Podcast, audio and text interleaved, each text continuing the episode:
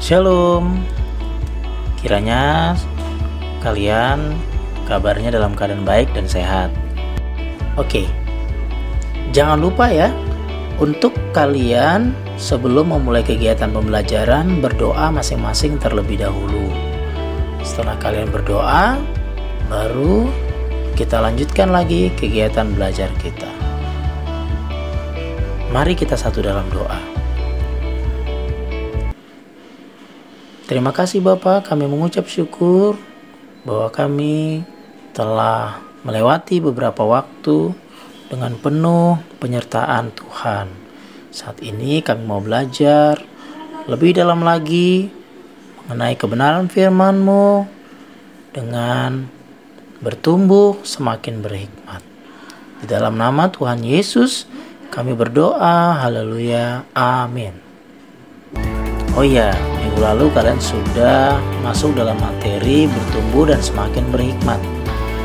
Nah, mungkin ada beberapa di antara kalian ya yang sudah mengerti atau sudah paham seperti apa bertumbuh dan berhikmat. Jadi bertumbuh semakin berhikmat artinya seseorang itu bukan hanya bertumbuh fisiknya saja, namun secara kepribadian, emosional, dan yang utama adalah secara roh, kehidupannya itu adalah dia dapat hidup berkenan sesuai dengan kehendak Tuhan, sehingga ia dapat memberikan seluruh hal-hal yang positif dalam seluruh kehidupannya dengan menunjukkan kematangan pribadi dan emosi. Kita sudah bahas ya bahwa emosi itu bisa dilihat dari bahasa tubuh, mimik atau suara. Jadi kalau misalnya ada orang ya yang mungkin dalam usianya dia sudah cukup dewasa tapi belum tentu secara emosional ia juga dewasa kita juga sudah membahas ada tiga macam emosi ya yang disebut oleh Ekman dan Friesen disebut yang pertama masking. Yang kedua modulation. Yang ketiga simulation. Nah, juga minggu lalu kita juga udah bahas ya tentang Samuel, Hofni dan Pinehas. Bahwa Samuel adalah sosok uh, seorang yang dewasa. Bahwa dia dikatakan makin besar dan Tuhan menyertai dia. Dan sedangkan Hofni dan Pinehas wah mereka ini malah mendukakan hati Tuhan ya masa persembahan yang seharusnya diberikan kepada Tuhan yang melalui persembahan korban bakaran mereka ambil ya mereka menggunakannya untuk keinginan mereka sendiri. Nah, hal-hal ini yang menunjukkan bahwa Hofni dan Pinehas belum benar-benar dewasa. Mungkin secara umur mereka dewasa, namun secara uh, kehidupan mereka atau spiritual mereka, hubungan mereka dengan Tuhan, mereka tidak menunjukkan rasa takut kepada Tuhan. Ya, harapan kita kalian juga ya di usia SMA ini kan kelas 10 tentunya adalah usia transisi ya perpindahan dari SMP ke SMA nah bagaimana sekarang kalian mengalami perubahan itu?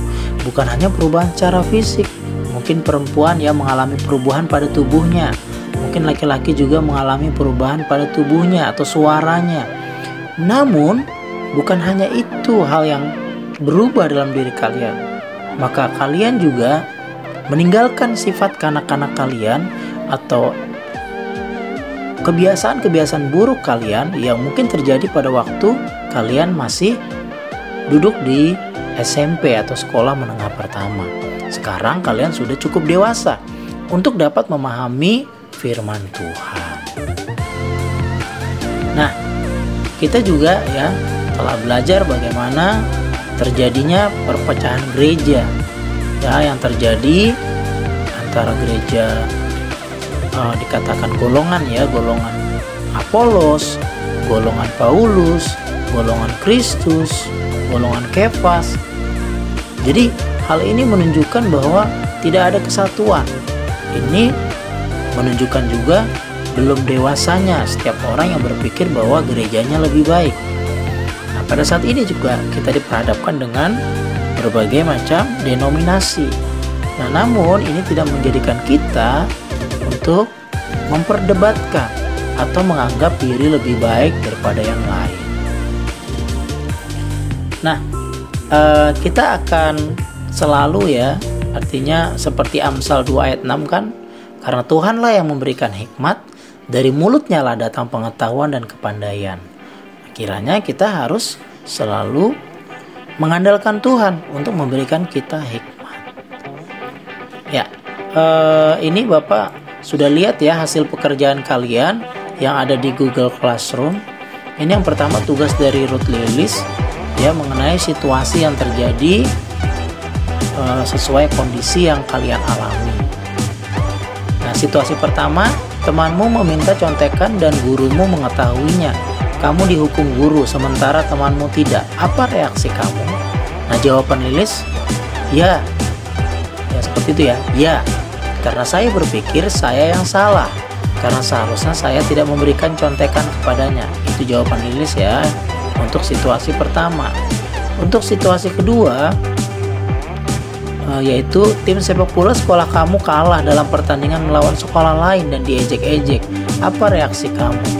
Lilis menjawab, menahan diri dan menerima kekalahan. Ya, bagus ya.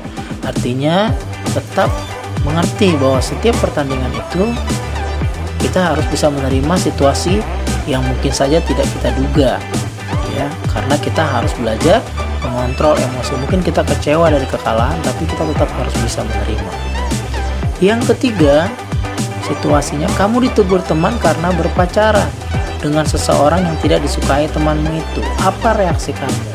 Jawaban Lilis, saya akan membuat teman saya itu agar suka dengan pacar saya walaupun akan sulit. Nah, jawaban Lilis ini agak ambigu ya. Kenapa agak ambigu? Karena dia bilang, saya akan membuat teman saya itu agar suka dengan pacar saya. Nanti malah temannya yang suka sama pacarnya Lilis. Iya kan? Nah, jadi mungkin kalimatnya nanti ya harus lebih hati-hati lagi kalau membuat kalimat ya Lilis. Yang keempat, situasinya kamu tidak ikut dalam kerja kelompok, tetapi karena guru kamu tidak tahu, maka ia memberikan nilai yang sama untuk kamu dengan anggota kelompok lain. Apa reaksi kamu? Jawaban Lilis, mungkin saya akan berkata jujur bahwa saya tidak mengikuti kerja kelompok. Uh, mungkin Lilis ya apa namanya jawabannya langsung saja ya. Saya akan berkata jujur ya. Jadi tegas begitu.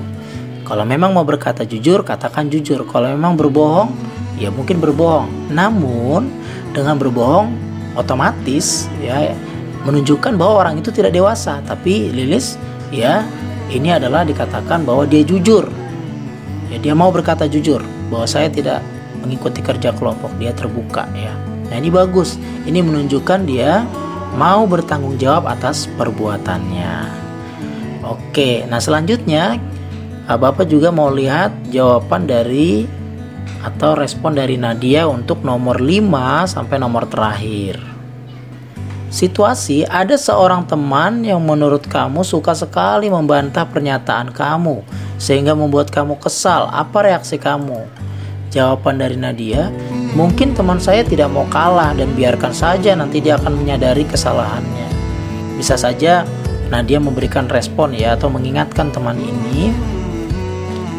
Namun Bapak melihat Nadia lebih mengalah ya atau pasif membiarkan temannya menyadari sendiri nanti kesalahannya. Namun ada ya sebuah kasus bahwa saat kalian mendiamkan sebuah peristiwa atau seseorang yang berbuat kesalahan lalu kalian diamkan, bisa saja dia tidak menyadari kesalahannya. Jadi Nadia jangan sampai membiarkan ya. Kalau ada orang yang suka membantah lalu kita hanya membiarkan saja sampai dia menyadari. Kalau misalnya dia nggak sadar-sadar gimana? Ayo. Nah, jadi yang paling tepat adalah Nadia bisa ingatkan dia. Kasih tahu ya bahwa itu tidak baik, bahwa dia harus berubah, dia harus menunjukkan kedewasaan. Ya, yang keenam, situasinya teman baik kamu berhasil menjadi juara sementara kamu hanya menduduki tempat ketiga. Apa reaksi kamu? Nah, dia menjawab, bagi saya itu adalah motivasi untuk saya dan saya ikut senang atas prestasi yang ia raih. Ya, bagus sekali ya kalau Nadia memiliki uh, perasaan yang seperti ini, artinya dia turut bangga, turut terdorong ya untuk senang atas prestasi yang diraih oleh temannya. Ya bagus, namun Nadia juga pastinya ya juga termotivasi untuk juga ikut berprestasi karena dia terinspirasi ya atas prestasi temannya. Nah, yang selanjutnya yang ketujuh ini adalah situasi kamu seorang murid perempuan dan pacar kamu, salah seorang teman laki-laki kamu di kelas menuntut agar kamu mengadakan hubungan seks dengannya sebagai tanda bahwa kamu benar-benar mencintainya. Nah, jawaban Nadia adalah saya tidak akan melakukannya karena di dalam agama itu sangat terlarang. Dan jika orang lain mengetahuinya, harga diri saya dan keluarga saya akan jatuh dan jelek di mata orang lain.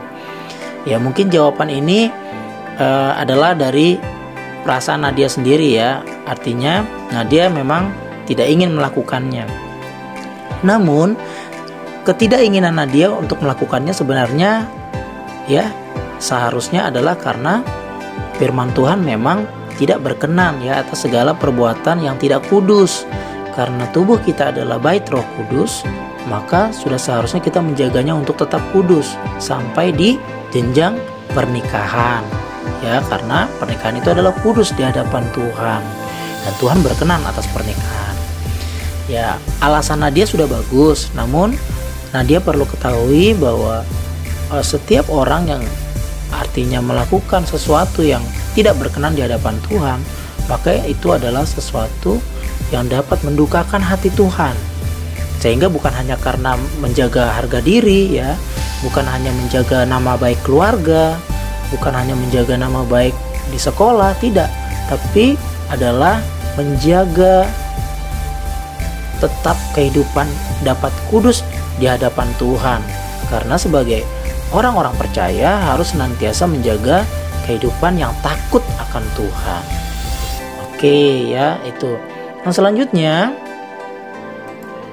yang selanjutnya adalah ini ya ini respon daripada Nadia ya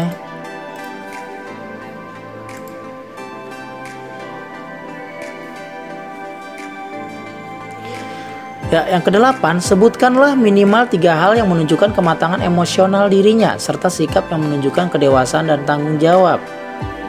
Jawaban Nadia, tiga contoh kematangan emosional yaitu memiliki rasa percaya diri atas apa yang ia lakukan. Dua, dapat menyelesaikan masalah tanpa kekerasan.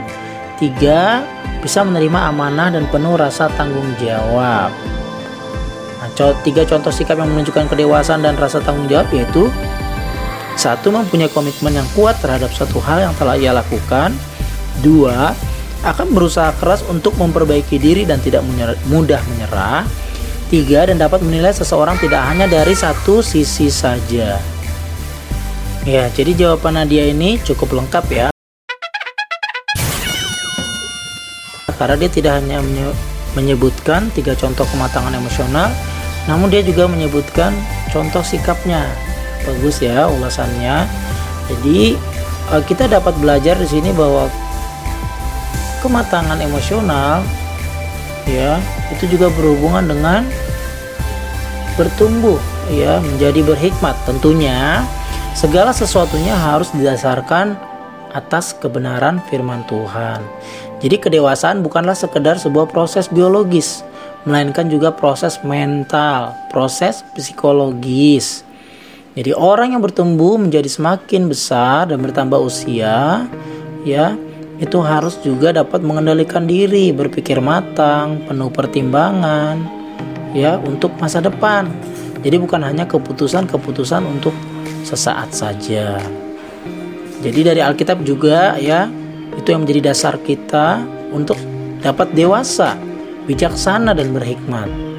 Nah, hikmat tidak berkaitan dengan usia, kekayaan atau tingkat pendidikan.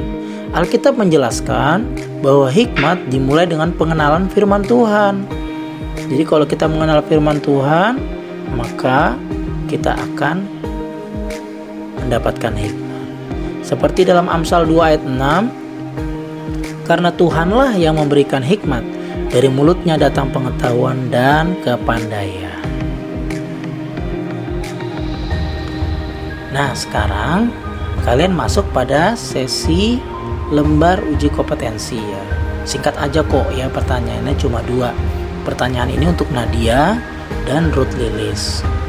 Ya, pertanyaan yang pertama, Menurut kamu, apakah semua iman dan kepercayaan itu sama saja? Artinya, iman di dalam Kristen kan yaitu percaya pada Kristus. Iman di dalam agama lain kan beda ya, percayanya kepada siapa. Iman dalam kepercayaan lain berbeda, artinya memiliki masing-masing cara pandang. Nah, namun menurut kalian apakah itu sama saja? Artinya semua iman dan kepercayaan itu ya, agama apa aja itu sama aja kok. Nah, apakah sama? Kalau memang sama, berikan alasannya. Kalau tidak sama, berikan alasannya. Itu untuk pertanyaan pertama. Pertanyaan kedua, bila kamu menemukan seseorang yang baik hati, ya dipertemukan dengan seseorang ya, laki-laki ya, yang ganteng, baik, mapan ya suatu saat nanti nih. Namun dia tidak percaya kepada Kristus. Lalu dia mengajak kamu untuk pindah agama, ya ikut agamanya dia. Nah, apakah kamu bersedia? Nah, ini juga berikan penjelasan. Ya. Jadi kalian bisa berikan penjelasan atas dua pertanyaan ini. Nah, cara menjawabnya kalian harus menjawabnya juga melalui rekaman suara ya. Jadi kalian harus membuat rekaman suara dulu baru suara kalian uh, rekaman suara kalian itu kalian kirim atau kalian upload di Google Classroom. Mungkin itu saja ya yang bisa Bapak sampaikan mengenai materi kali ini. Artinya kita harus tetap dewasa dan bertumbuh. Kita berdoa sama-sama. Terima kasih Bapak, Engkau yang memberkati dan memberikan hikmat bagi kami semua untuk semakin bertumbuh dan berhikmat serupa dengan Kristus. Kau yang memberkati anak-anakmu semakin hari, semakin takut akan Tuhan dan semakin berprestasi. Di dalam nama Tuhan Yesus kami berdoa. Amin. Oke, sampai ketemu lagi di pembelajaran berikutnya. Tetap semangat dan pantang menyerah. Tuhan Yesus memberkati. Shalom.